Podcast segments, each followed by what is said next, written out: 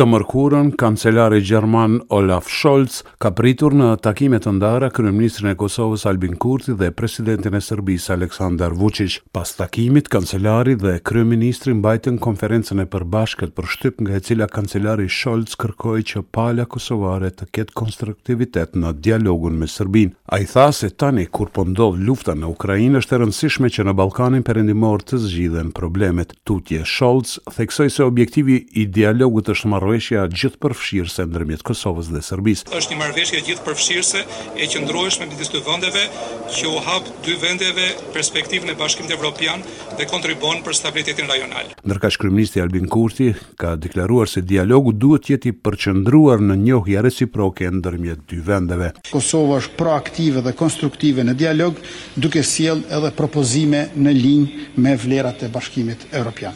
Dialogu duhet të jetë i përqendruar në njohje reciproke, pra jo në një njohje e cila vjen në një fund të procesit të gjatë, por si dialog për marrëveshje me njohje reciproke në qendër. Kancelari gjerman e kryeministri kosovar kanë folur edhe për liberalizimin e vizave. Kurti ka thënë se Kosova i ka kryer detyrat e shtëpisë dhe e meriton liberalizimin e vizave, derisa kancelari Scholz tha se Gjermania është e interesuar që sa më shpejt të ndodhë liberalizimi i vizave për Kosovën. Për sa i përket periudhave kohore, ne nuk nuk e themi dot se kjo varet nga organe të tjera, megjithatë, Ne jemi të interesuar që kjo të ndodhë shpejt. Në takimin me presidentin e Serbisë Aleksandër Vuçiç, kancelari Sholc pati kërkesë të veçantë për të.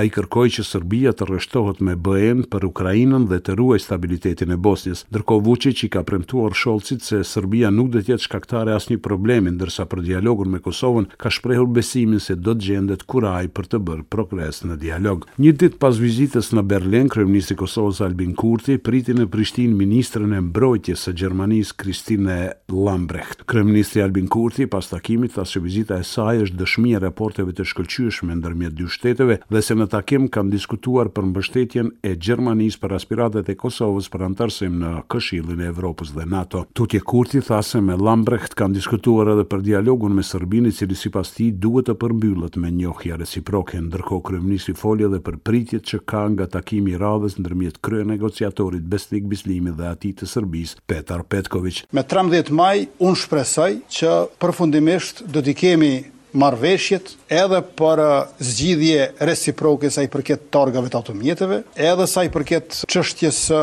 mospagesës së energjisë në veri të Kosovës, po ashtu edhe nevojës për të përshpejtuar çështjen e zbardhjes së fatit të të pagjeturve, Ministrja gjermane e Mbrojtjes, Christine Lambrecht, porositi për vazhdimin e dialogut me Serbinë. Ajo foli edhe për takimin e trembëdhjetë majit ndërmjet Bislimit dhe Petkoviqit, ku tha se mund të ketë marrëveshje të mira. Ndërkohë Lambrecht tha se Gjermania mbështet anëtarësimin e Kosovës në Këshill të Evropës e NATO. Pushteti dhe opozita janë pajtuar që të formohen dy komisione hetimore për energjinë pas shumë tensionesh që kanë përcjellë seancën e së enjtes të Kuvendit me nëntëdhjetë e tri vota deputetët i kanë thënë po Komisionit Hetimor Parlamentar për Menaxhimin e Energjisë të inicuar nga PDK-ja dhe Komisionit Hetimor për Energjinë të inicuar nga Vetëvendosje që ka për qëllim hetimin e energjisë që nga viti dy mijë e gjashtë deri te votimi në Kuvend, seanca u ndërpre disa herë. Sindikata e Bashkuar e Arsimit i ka dërguar një shkresë zyrtare ministres së Arsimit Arbërie Nagavci duke e njoftuar për grevën paralajmëruese njëorëshe të dymbëdhjetë majit, por edhe për veprimet e tjera nëse ekzekutivi vazhdon të heshtë ndaj kërkesave legjitime të tyre. Sindikata e Bashkuar e Arsimit thotë se qeveria edhe pas premtimeve se do të ketë dialog përmbajtësor nuk bëri as edhe një hap konkret, prandaj ka vendosur të mbajë grevën paralajmëruese në të gjithë sektorët e arsimit që nga çerdhet e deri